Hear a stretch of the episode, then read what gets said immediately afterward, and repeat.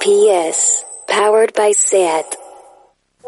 En realitat, si ho penso, o sigui, és com superguai, serà superguai veure'ls des de fora, perquè clarament gent de merda seria un programa que a mi m'encantaria si no fos perquè el faig jo, saps? I llavors, ara, o sigui, en realitat és que tinc tanta feina que realment simplement he, he com acceptat que és que realment no podré venir gent de merda i llavors perquè aquest matí era en plan, merda, ho haig d'intentar fer quadrar tot, i llavors al final és en plan, mira, Clàudia, accepta que no arribes i no t'ofeguis, saps?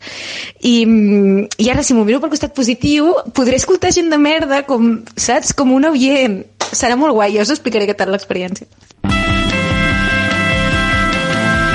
La Clàudia Rius, la Paula Carreras, la Rita Roig i l'Ofèlia Carbonell són gent de merda. I tu també.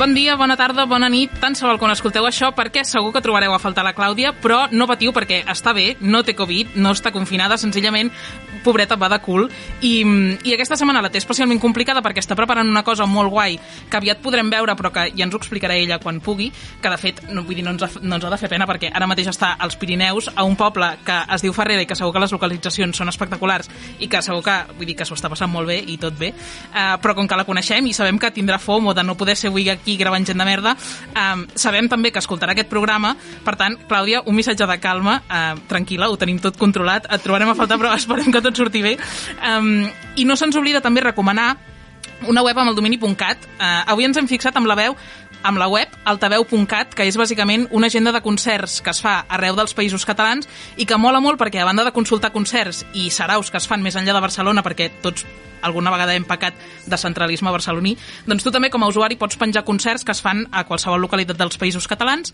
I un cop dit això i reforçat el nostre fandom per la Fundació .cat, la casa dels catalanoparlants a internet, comencem el programa perquè avui he volgut estalquejar a tot un col·lectiu, de fet, eh, de gent jove que aquests dies ha estat fent vaga i que crec que val la pena escoltar per què l'han feta. L'estalquejada a la cara. Quan en un jardí d'amor neix una divina flor, una ro, ro, ro, una sa, sa, sa, una ro, una sa, Clàudia Codina, què tal, com estàs? Molt bé, què tal, com esteu? Molt bé. tu avui um, has vingut aquí perquè ets MIR, que vol dir que ets metge intern resident, Exacte. i, mm, i per tant vens una mica en representació de tot el col·lectiu. Um, però abans, o sigui, per fer-nos una idea del teu perfil, um, ets MIR a on? Jo sóc metge intern resident, que és la definició de, de MIR, uh, de Medicina Interna, que és la meva especialitat, i del segon any, són cinc anys, jo estic en el segon, de la Vall d'Hebron, de l'Hospital de Vall d'Hebron, aquí a Barcelona. Vale. I mm, els MIRs heu fet vaga aquesta, aquest últim mes, heu estat fent vaga, heu convocat una vaga, tu l'has feta? He fet vaga, sí. Vale. Per què? Doncs hem fet vaga per reivindicar, bueno, mm, injustícies no? que hi ha a nivell de, del nostre dia a dia, uh, per reivindicar uns drets que creiem que ens estan sent no coartats i unes retribucions que no estem tenint.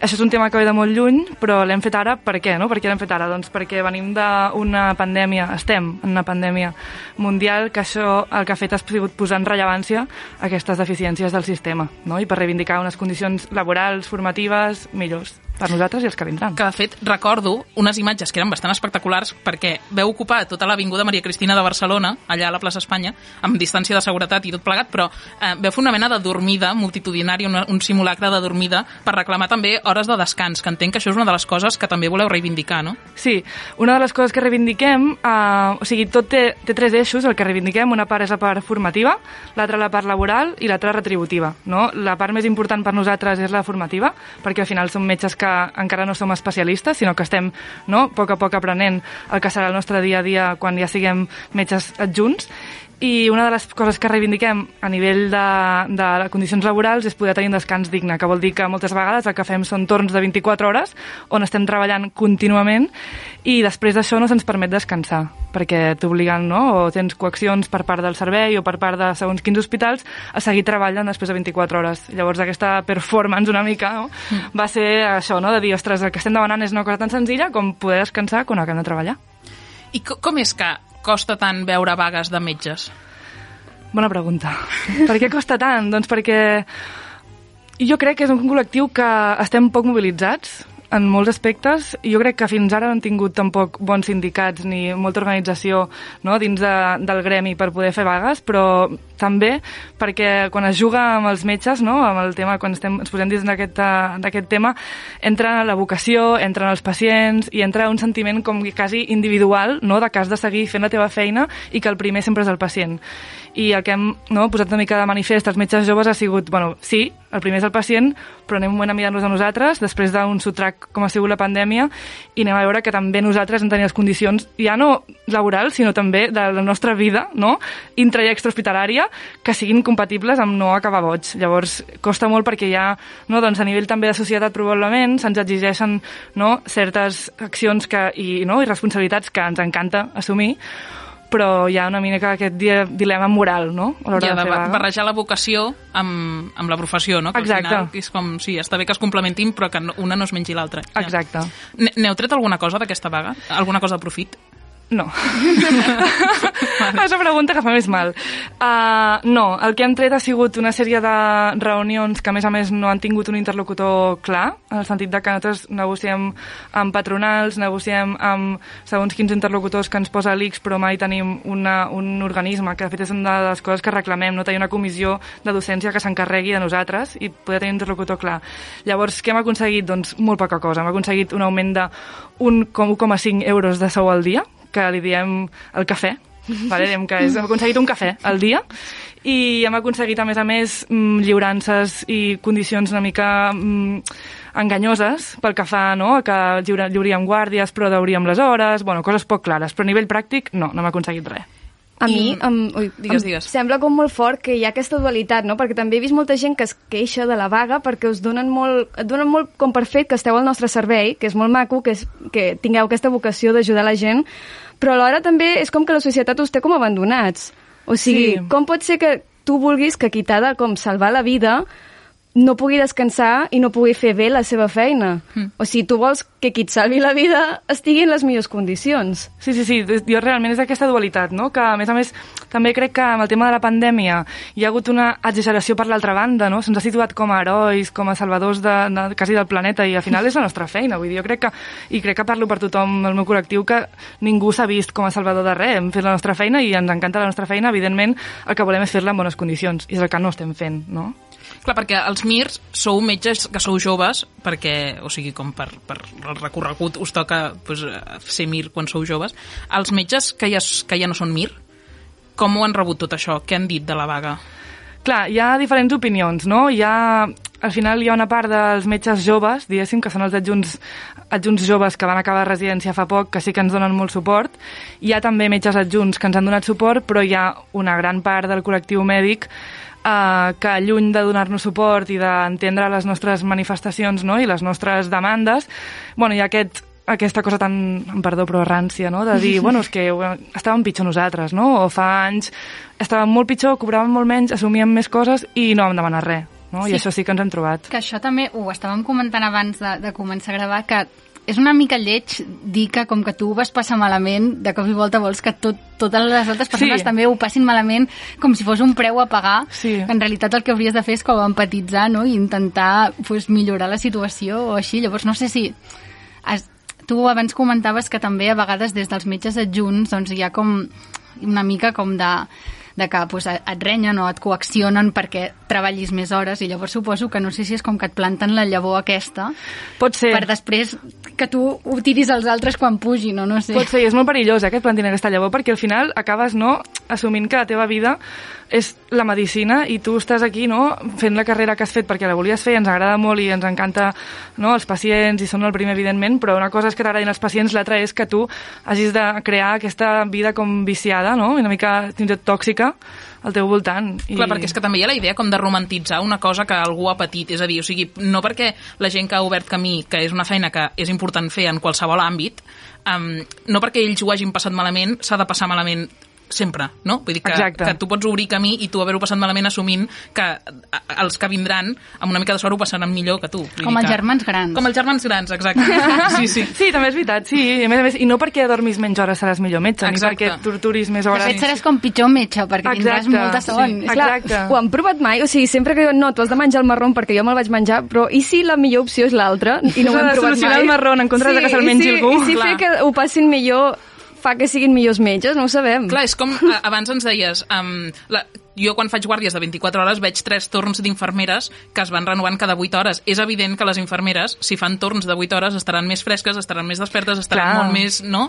Seran més productives a nivell de... O sigui, és que podran fer millor la seva feina. Això no, no, no s'explica que no es pugui Clar, regular. és que això de les 24 hores, i jo faig aquest exemple sempre del pilot d'avió, que és molt fàcil, no? Però és, ostres, tu voldries que et portés de viatge una persona que ha estat conduint un avió durant 23 hores i a l'hora 24 et porta tu de viatge?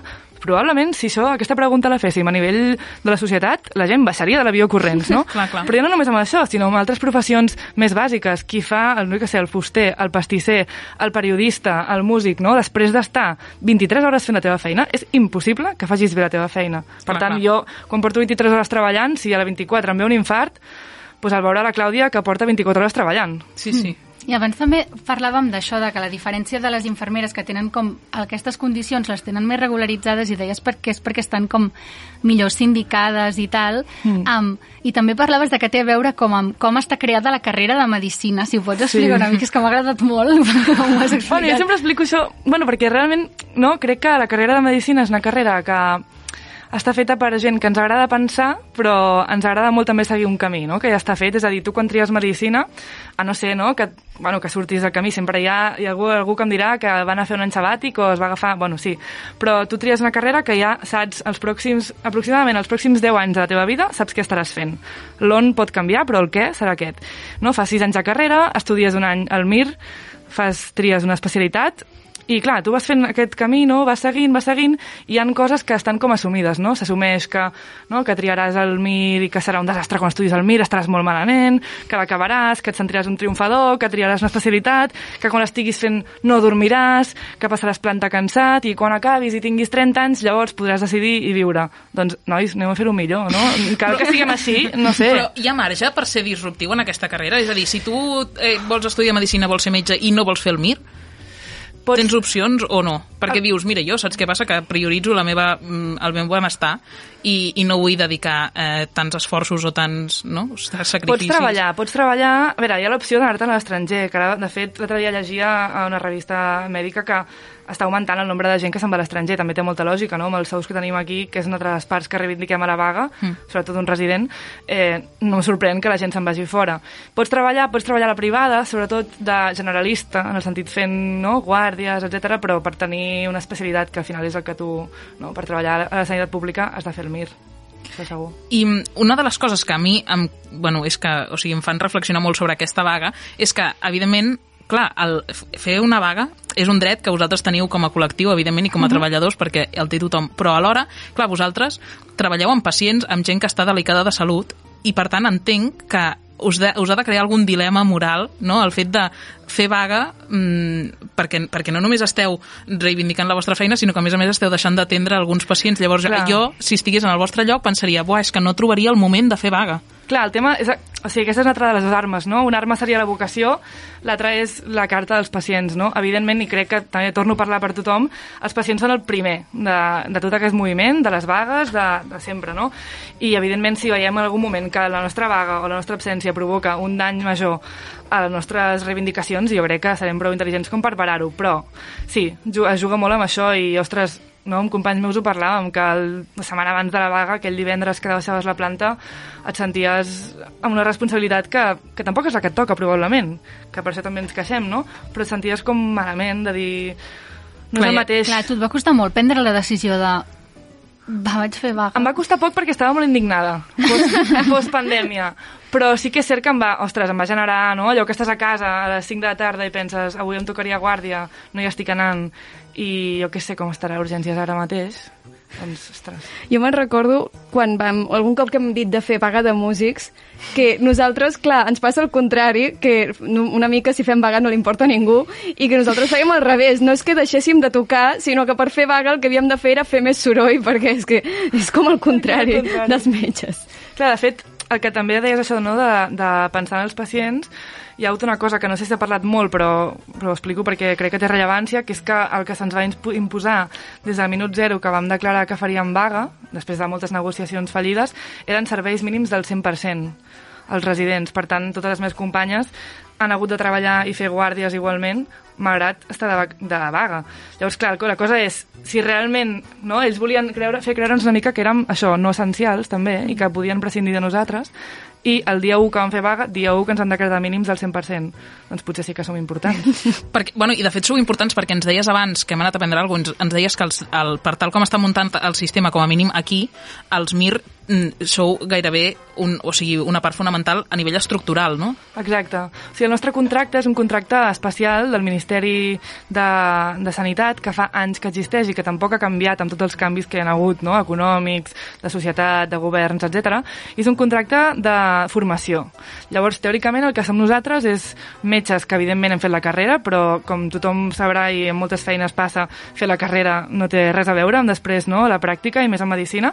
Llavors, el nostre contracte és d'estar dins d'equips mèdics, de plantes, de consultes, etc aprenent. Per tant, se'ns ha de formar no? i hem de fer feina també assistencial. Què passa? Que això, al llarg d'aquests últims anys, s'ha vist clarament afectat per les retallades, per la falta de metges adjunts, que són els que haurien de ser personal estructural realment de l'hospital, i els residents han adquirit un rol de personal estructural. Llavors, els residents són qui porta les plantes, són qui porta les guàrdies, són...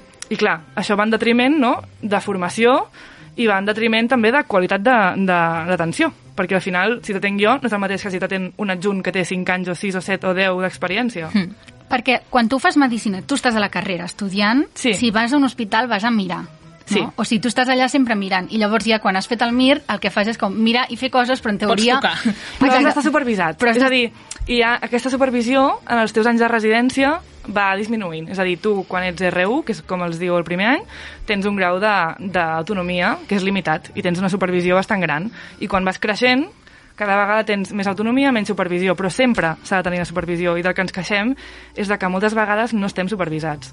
I això no només va en detriment nostre, perquè no aprenem, sinó que va, bàsicament, en detriment dels pacients, que al final l'objectiu de la vaga, sí, som nosaltres, però és el sistema i els pacients. Clàudia, ara et presentarem una amiga nostra, que es diu Filomena, Vale. que um, ella és molt de lletres i llavors té molta curiositat pel món de les ciències en general. Vale? Vale. Aviam què t'explica. Remena, Filomena. Nena. Doncs jo et presento la Filomena, vale? que és una amiga nostra que li agrada molt remenar coses que troba per internet. Vale. Llavors, aquesta setmana, com que ella no s'entera gaire de com funciona tot el tema mèdic, um, s'ha començat a, a fixar en aquelles sèries on surten metges i que presenten el dia dels metges i del personal sanitari d'una manera que és una mica qüestionable o, si, si més no, com no se, se't diu gaire el que és la realitat del vostre dia a dia. Llavors, primer et volia preguntar si tu tens alguna sèrie d'aquestes de metges que t'agradin moltíssim, perquè tothom té la típica sèrie de metge, Sí. i en general a totes, eh? o sigui, pregunta oberta, però... Jo, Anatomia de Grey. És que- la veritat, siguem sincers. El que passa és que, sincerament, li he perdut el fil. O sigui, perquè allò que anava seguint, anava seguint, i arriba un punt que ja em vaig quedar, no faré spoilers, però em vaig quedar en un moment i vaig dir, mira, s'ha És, acabat. Anatomia de Grey és com la típica sèrie que tiren a neox i llavors jo la veia quan anava a, o sigui, quan estudiava la carrera, que anàvem a, sempre a dinar i a estudiar a casa d'una amiga meva que compartia pis a Barcelona i era com, vale, avui fan at- Anatomia de Grey, però em passava això, que capítols, capítols sueltos Sí. que no sabia mai... Sí, sí. Llavors que et posen un darrere l'altre i al final acabes veient tot desconnex. Tu vas començar a mirar Anatomia de Grey abans de fer la carrera? Abans. O sigui, creus que et va influir en el teu cervell en el procés de Ostres, decisió? Doncs podria ser. Podria ser, però jo tenia bastant clar, eh, d'abans, jo crec. Que volia ser metge des de Sí. petita. És que és, és, de, és la gent de medicina, eh? Sempre ho sap. Jo mirava Hospital Central. Això, això. Ostres. I, és que... Era una espanyolada, era, però era, bueno, a mi m'encantava. A part, Hospital Central és com la típica sèrie que té 10.000 milions de capítols i que um, tots els actors espanyols si busques una mica en la seva carrera, han fet una aparició a Hospital Central. passat per allà. Sí, sí, han fet un cameo, saps? En plan, el típic pacient... Com que hi ha molts capítols i hi ha molts pacients, vull dir, els, els metges de l'hospital eren sempre els mateixos, però llavors, jo què sé, um, no sé, o sigui, Anna Castillo, per exemple, que ara està super de moda, que dius, ah, Anna Castillo, doncs Anna Castillo segurament, bueno, ara em poso amb el foc, que segur que ha fet com un, un capítol de, de, de pacient a Hospital Després ho Central. mirem. Sí, Després segur que surt allà com amb la cama Sí, trencada exacte. o així. Sí, sí, sí. Aparición Sí, cuando sí. era muy joven. Capítulo 8, temporada Clar. 12. Sí, sí. La meva, que crec que és la mateixa que la de l'Ofèlia, és Scraps, que perquè a mi em passa una cosa que, Scraps. que no m'agrada o sigui, les coses així que fan esquillo, no sé com dir-ho sense Que fan ser com... què? Que fan, Ah, fan esquillo, fastiquet, vale, vale, que no... vale.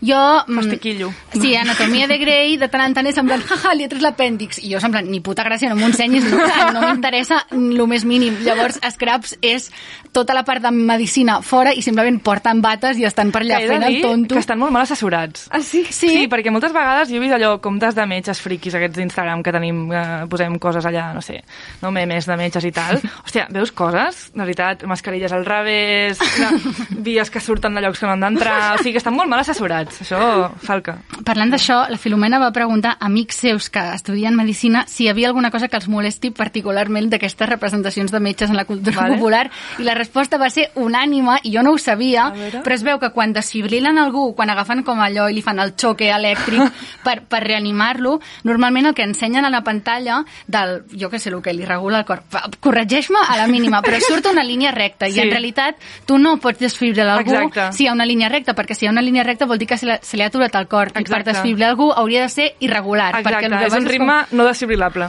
És una llicència I dramàtica. això surt Llavors, a tot arreu, a No tot et arreu. ressuscita el, el, el Et desfibrilador? necessita, però no, no si vens d'aquell ritme, que és no ritme, bàsicament, és línia O sigui, plana si ja estàs mort, ja estàs... I també, també em molesta molt també com fan la, la RCP, la Ah. reanimació cardiopulmonar, perquè la fan com si fessin una carícia. I, i no. O sigui, realment, si tu estàs reanimant algú, la fas...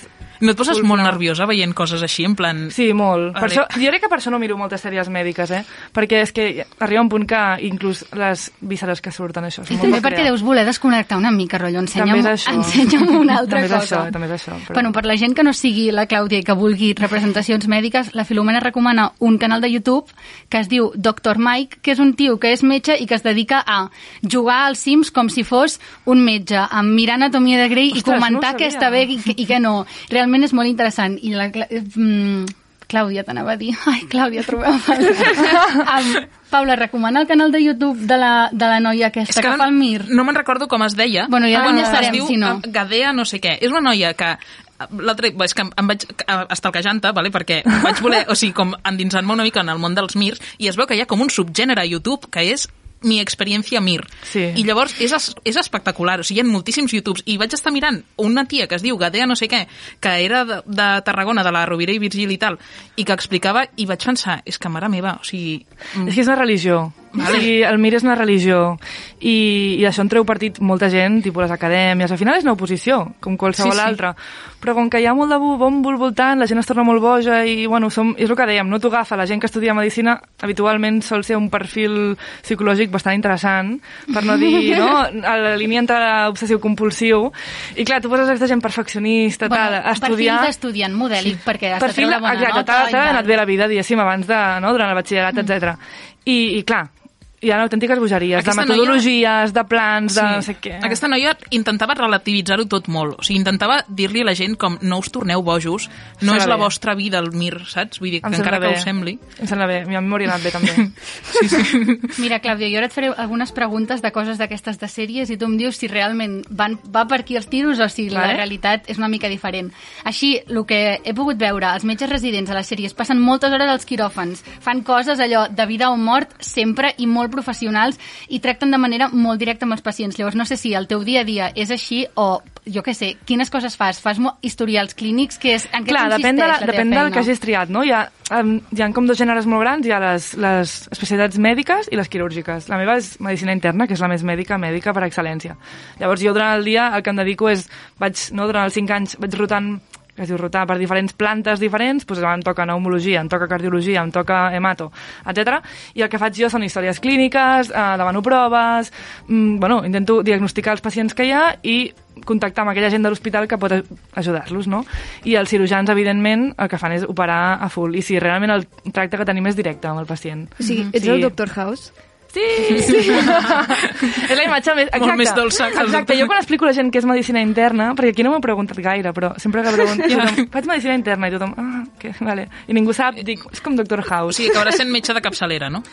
Mm, a l'hospital. O sigui, Vale. metge de capçalera, no, o sigui, és com portem el mateix tipus de pacients, però nosaltres portem els pacients que es compliquen i que, per tant, requereixen d'un ingrés. I Vale. portem pacients de tot tipus. O sigui, estem a les urgències. És generalista, però dins l'hospital. Vale. I a les sèries també el metge adjunt, que és el que, en teoria, com tu comentaves, després n'hi ha molt pocs i tal, però és el que ha d'acompanyar els residents i tal, és una mica cabroncete. En plan, com que els hi, I els hi fan moltes coses en plan, bienvenidos a la escuela de la vida i com coses així. No sé si és aquesta el discurs que tu Això reps. depèn, depèn, depèn. Hi ha metges adjunts que podrien ser el teu amic i podries anar a fer una birra amb ells. Hi ha metges adjunts que són més distants i jo crec que el bon metge adjunt és aquell que et posa a prova constantment, que et pregunten coses i allò de preguntar-te coses davant del pacient sí que és real, eh? Mhm. I tu creus que li passa? Dius, merda, que estic no només davant de l'adjunt, sinó davant de... Això, com a pacient, em posa Ai. tan nerviosa quan ho fan. A mi no m'ha passat mai, això. A mi sí, molts cops. De... Em sabria penso, supergreu ai, per la persona que clar, és que, diu, "No et és que sap molt greu. sí, sí, sap molt greu, sap molt greu. És com, estàs presenciant un examen, allò... A mi em sap greu quan són molts. Això sí que em sap greu, perquè entres a una habitació no, i és com el metge adjunt amb tot de gent al voltant i penso, ostres, que això també s'està restringint, eh? Clar, que sembla com que el teu cas particular sigui una Sí, ofrena d'anàlisi. que a vegades simplement és perquè aquell dia hi ha més rotants, no perquè tu siguis l'únic cas de- Ja, ja, ja. d'Espanya d'aquella malaltia, Clar. simplement és que en dos estudiants s'han de col·locar a algun lloc. Sí, sí. I el, qua, que, de què parles? és que, vale, o sigui, la cosa és, tu estàs allà i imagina't que et toca fer coses de- d'operar. Vale, clar, a mi em costa imaginar-me-lo de parar perquè no soc O cirurgiana, tu però bueno. tu t'estàs esperant jo tinc la sensació que parles, mo- passes moltes hores a l'hospital i que llavors t'has de fer com molt amic de la gent que et fa els torns amb tu. Exacte. I llavors a les pel·lis sempre surt... O sigui, quan volia dir el de què parles aquest que m'ha sortit així com raro, em referia... Clar, tu al final t'estan obligant a fer-te amic de la gent Sí. del teu voltant Sí, i que, sí, sí. que, que de cop i volta som, com, col·legues de per vida. Som una mica com High School Musical, una mica, nosaltres. Vale. És a dir, és com molt... No, també aquest, aquest, no, aquest trajecte com ja fixat des d'un inici també va acompanyat d'una sèrie de, de comportaments, no? de que, clar, t'has de fer amic de tothom. Al lloc on vas, t'has de fer amic, perquè seran els teus companys de batalla, no? És que si no, quin pal, de Clar, fet, no? clar, clar, clar. I llavors ja genera aquesta actitud com oberta, de tot. I de fet, ara diré una cosa que potser se'n tiren a sobre, però la- l'endogàmia dins del món dels metges és algo Sí, eh, real a i, i potser em portes aquí d'aquí un moment, però... Anatomia de greix. Si anàvem a dir, Sí. va, tothom folla amb tothom, és veritat. Una- Lliguen una molt, mica, una mica. Lliguen molt, perquè, però bàsicament perquè no tens opció, si això Clar, que tens no, que t'obliguen que sigui la teva vida, Clar, jo crec que hi ha, un, hi ha un tema més important, no? Que és, ostres, tu ajuntes, no? Convivència durant molt temps i emocions fortes, jo què sé, és el típic de pel·lícules que es coneixen dos perquè han tingut un accident de cotxe i no, hi ha el noi o la noia, és igual, agafen, l'ajuden a portar a l'hospital. Ostres, doncs hi ha connexió allà, no? Doncs tu igual, estàs allà, acabes de reanimar un tio, no? I estàs amb el teu company. Clar, els llaços i... que es creen són superestrets. Exacte, és que no és el mateix això que anar cada dia a una oficina de 9 a 1. No? Sí, sí. i la gent folla llits de les guàrdies, aquests o no? Ostres, és pregunta Rita. confidencial. L'oferi Perquè jo tenia molt el dubte, i a més fan com, fan fàstic, canvien gaire els llençols, pregunta més fàcil. Això és una de les coses que reivindiquem a la vaga, de fet, Ah, sí? que, que dormim, el sistema de llits calents és una realitat, que nosaltres dormim a llits on hi ha dormit gent al torn d'abans, no? I, I és una cosa que sembla I ara amb el inconcebible. tema del Covid, a més a més, és com... I amb el tema del Covid que no és, també. No és higiènic. Amb el tema També. del Covid també. Imagina't. Escolta, Clàudia, no sé si fer el MIR i haver de triar una especialitat i tot plegat són gaires decisions de merda, però ara te'n farem triar unes quantes, vale? Vale. Decisions de merda.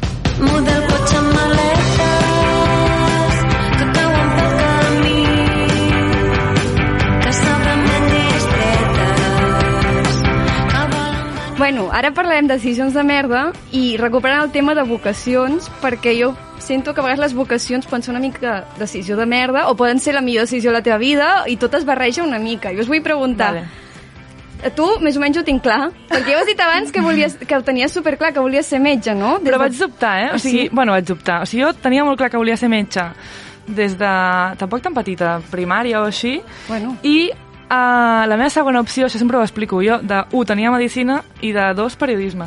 Ah, mira! És a dir, si no entrava cap medicina de les que hi havia a tot Catalunya, abans d'anar-me'n fora, feia De periodisme. fet, escrius, que jo, jo ho he vist Sí. això, que t'he estalquejat, has escrit a 14. Escric a 14. Vale, sí, la, gent sí. que, la gent que, que ja, bueno, ja t'etiquetarem a Twitter i Vale. tal, però tens un blog, a més a més escrius i Sí, que, sí, sí, sí, sí. Pues, la gent que ho Que llegeixi. això ho he seguit fent, ho he seguit fent, però periodisme m'agradava molt, jo estava... Però el que passa és que era, bueno, si tot em va molt malament, si no entro cap medicina, doncs mira, em tiro ja periodisme.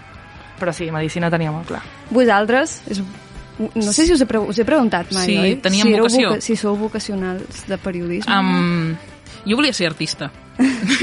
Bueno! I, I llavors vaig acabar periodisme. No, jo em vaig adonar que no tenia talent per ser artista i llavors eh, periodisme també era com la meva segona opció, però en el meu cas no era si no entro a ser artista, era com si no tinc vull dir, la vida em va portar a decidir que no, que no podia ser artista, perquè no, no, no em guanyaria mai la vida amb això, perquè no en tinc talent. Jo no sé si és vocació o no, o sigui, jo crec que és el que em va passar, jo anava dient coses que volia ser, com dius quan ets petit, en plan, pues ara veterinària, que em va durar molt de temps, ara perruquera, ara no sé què, durant un temps volia ser cantant, sort que no vaig escollir aquest camí, um, i llavors un dia vaig dir periodista i tothom va fer com, uah, sí, sí, sí, fa molt per tu, i jo crec que em, em va... és com una professió com fashion, no? En plan, Sí. oh, sí, periodisme. I, I és com, la gent bueno, em va fer molt reforç positiu que no m'havien fet la gent del meu voltant, amics, pares, familiars, saps? No, que jo crec que no m'havien fet aquest reforç positiu i de cop i volta pues, és com un bucle que es va creant. Vull dir, no, no estic culpant a ningú de res, eh? però, però crec que no sé, pues, potser feia per mi o el que fos, a la gent li semblava i llavors a mi encara em va semblar com T'hi vas anar veient. millor idea, saps? és que, es, es em- diu molt que, que és molt vocacional, però en realitat bueno, és molt relatiu, no? La vocació és mentida, mm, i això és un fet. Bueno, no sé, o sigui, no sé si és mentida, però sí que és el que hem parlat abans, que s'agafa com a excusa per aprofitar-se Sí. una Mm. mica, no? De com... Perquè en periodisme o les feines del món cultural, amb l'excusa de la vocació, també hi ha una mica... Clar, és que jo crec que quan ens passa a nosaltres també és extrapolable a altres mons. No crec que sigui Sí, algú... totalment. És com el Sí, sí. becari, no? Imagino, de, Sí. de lo Sí. vostre. Som els becaris, nosaltres, al final. el que comentàvem abans de que la gent, de gent, gent més gran que ha passat com per la precarietat que has passat tu o com per el, els horaris mm. durs i, i aquest, aquesta feina que en realitat és com superfeixuga i que després agafen això com a excusa perquè tu també hi passis és una cosa que passa en general a la gent de la nostra generació. Sí, és un fenomen, que, no? Pues Sí. a la meva època passava tal cosa i, i vale, Sí. pues molt bé, mm, enhorabona. Vull dir que és, un, que és un discurs en realitat que està com molt, molt extès i que està lligat amb el que deies tu de la vocació. Sí, i crec que es mitifica, perquè recuperant abans, com hem dit, el- la sèrie House, Mhm. que, bueno, no sé si t'agrada o no, si la trobes... He vist capítols saltejats, perquè Ah, m'agradaven... Perquè a més, el... o sigui, són bons. Aquests sí que estan ben assessorats. Sí, Sí, Sí. però per exemple, tu no pots anar a cases de la penya, no, és que he fet Ah. la meva research, saps? Jo, um, tu no pots anar a cases de la penya com si necessites una, una ordre judicial, com si fossis poli, el Dr. House va a casa de la gent en plan, hm, aquest pacient bueno, clar, mal, no sé això què. sí, això sí, aquí hi ha una mica de dosi de fantasia ja de creació pròpia, no? Com Però- si fos detectivesc una mica. Sí. però hi ha el tema aquest de fer un personatge que és, és com un déu, no? House Sí. és com mig màgic, com que al final té la, la resposta a tot i que també mitifica una mica la figura de, Sí, sí, sí. del metge, no? Que també, com amb el que ha passat a la pandèmia, que és... Us, És que jo em sembla exagerat, exagerat, exagerat, lo de la pandèmia. Què? De fet, em genera una mica urticària. He de dir algunes coses que he vist. És un discurs una mica carca, també. Sí, Oh, i també és a tot o res, no? Perquè de, va haver-hi no? la imatge d'heroi, heroi, i el següent, no? al cap d'unes setmanes, hi havia gent que pintava les portes de rata asquerosa, no sé què, a veïns metges que treballaven a llocs amb Covid i arribaven a casa, no? i evidentment pues, tenien por que els hi contaminessin l'ascensor. Uau. Vull dir que és una mica, hosti, ni tant ni tampoc, no? Sí, Ja, i jo vaig veure en el moment així, el de la pandèmia, no, típic, que mm, algú va compartir per Twitter una carta que havien fet els veïns, en plan, por favor, Sí. busca't un altre pis per, Això, perquè això. no volem que visquis aquí, que és una mica... Això, que bueno... És, és que com pot ser que hi hagi aquest, aquest es, És un amor-odi, és un amor-odi, però aquest Bueno, amor-odi... molt lluny perquè t'incomoda, no? I és un amor-odi que només, jo crec que només pots mm, dedicar a professions que et generen un tipus d'emoció, no sé com dir-t'ho. O sigui, com que els metges tenim no, aquest, no, aquest poder, per Sí. dir d'alguna manera, de responsabilitat, doncs és una relació molt patològica, Clar, crec. Però llavors és com, clar, amb això de la vocació, sento que agafem, clar, com que és una feina vocacional, perquè si la gent no t'importa i no la vols curar, doncs no t'hi dediques, però hi agafem això i llavors ho transformem com que ens ho deveu, saps? Exacte. I com que ens ho deveu, um, si, al moment que ho deixeu de fer o que deixem de sentir que esteu al nostre servei, com esteu en contra nostra, Mhm. que és una mica, bueno, clar, cada cop que hi ha una vaga en un sector una mica pilar a la societat, la gent es, es posa molt així, com, no sé com dir-ho, com encabronada. sa- Quan hi ha amb els mestres, com hi ha amb serveis, amb el Sí. tren, amb el que sigui, la gent agafa això de, però si tu això t'agrada la teva professió perquè Els et mestres també queixes... tenen molts haters, ara estava pensant. Sí. També tenen Segur. com el hater aquest de Uh, vida, vida solucionada, que és en plan, vols estar tu en una classe amb 35 nens de 3 anys, si plau i parla amb tu de vida solucionada? que- I també és això que deies tu de, de que et generen una emoció. Exacte, jo crec que és això, eh? I jo crec que també, en part, la vaga també es va fer ara, no només perquè la pandèmia ha estat descobert no? les condicions que, precàries a tots els nivells, sinó per aprofitar una mica no? aquesta olejada de, de no sé, com d'amor cap als metges, no? Una mica de... Bueno, que esteu sota el focus ara. Exacte, Sí, que ara és el moment, perquè, clar. de fet, jo tinc molts amics que ara han entès el que feia. Hòstia, ara sabem què ets, Mir. perquè molta gent no sabia qui era, qui era, era un personatge desconegut. Clar. I al final som qui ve a urgències, som qui veus. Sí, sí. I et deia... Ui, No digues, digues. que jo et deia els stories del teu Instagram. Clar, perquè és que hi ha un tuit que, que els hi vaig passar a elles quan, Sí? sí? els, quan vam dir hem de portar un mir i jo vaig pensar en tu i me'n recordava els teus stories de veure durant tot el confinament allà com a, a primera línia de foc, Sí. mentre jo estava a casa amb la manteta com Sí, sí, plorant sí. perquè havia vist una pel·li de, de romàntica, saps? I tu estaves allà a saco i a més vaig veure un tuit teu que... Ai. Bueno, No, no, no, no, era, era. que ara el citaré de memòria, eh, que deies que amb aquest, durant la pandèmia que et va tocar l'hospital, un dels hospitals més xungos. Bueno, perquè estic allà, a Vallès. sí, sí, et vas quedar com aïllada lluny de la teva família sí. I que et va deixar el nòvio. Sí. és que va ser com... A mi el 2020 em deu, em deu, bueno, el 21 em deu moltes coses bones. Ara estic agafant, no? Però van ser una sèrie de coses. M'acaba d'independitzar, eh, just aquí a Barcelona, vaig estar a l'hospital que més Covid ha vist, això és una dada, de tot Catalunya, eh, em va deixar el nòvio, la meva àvia, que estava malalta per altra cosa, es va morir, i llavors va ser com, hosti, un moment, no? Vaig parar i vaig dir... I aquest tuit, de fet, és el tuit que em va fer una mica influencer. bueno, perquè és molt, o sigui, és molt aplicable a molta gent, no? De gent que tenia grans expectatives pel 2020 i de Exacte. sobte, oh, sorpresa, quin any de merda. Sí, Um, però vaig No, agobiar... sempre podeu pensar en ella, que realment tenia Exacte. un problema de veritat que estava a l'hospital amb més coses. Sí, no, em va contestar gent amb, amb molts problemes molt greus, pitjors que pitjors que els meus, segurament, i em sentia malament perquè jo no estava esperant res. O sigui, Clar, no, no, no, no, però- no, però, hosti, vaig fer un resum, un dia vaig sentar-me al llit i vaig dir, vaig a fer un resum d'aquest drama. A mi em va encantar perquè va fer això una mica com d'humanitzar. Sí. Clar, perquè és això que anem a urgències i veiem allà com tot de gent que ens diuen alguna cosa, ens diuen no, però com que són com metge, amb mm. Ja, és personatge veritat. sense nom, no sé, que ens diu... Però sou persones. Sí, sí. I que sou persones que si no teniu les condicions per descansar, per, per estar bé, doncs potser Sí, sí. no ens podeu El teu tractar metge tan bé. també el pot deixar el nòvio. Sí, clar. Exacte. Exacte. I l'endemà has d'anar a treballar i has de dir a algú que, que es morirà o has de dir a algú que té un infart. Sí, sí. Doncs, noies, amb aquesta reflexió, que jo crec que és bastant guai de dir els metges, abans que metges són persones, um, acabem el programa. Gràcies per venir, Clàudia. De res.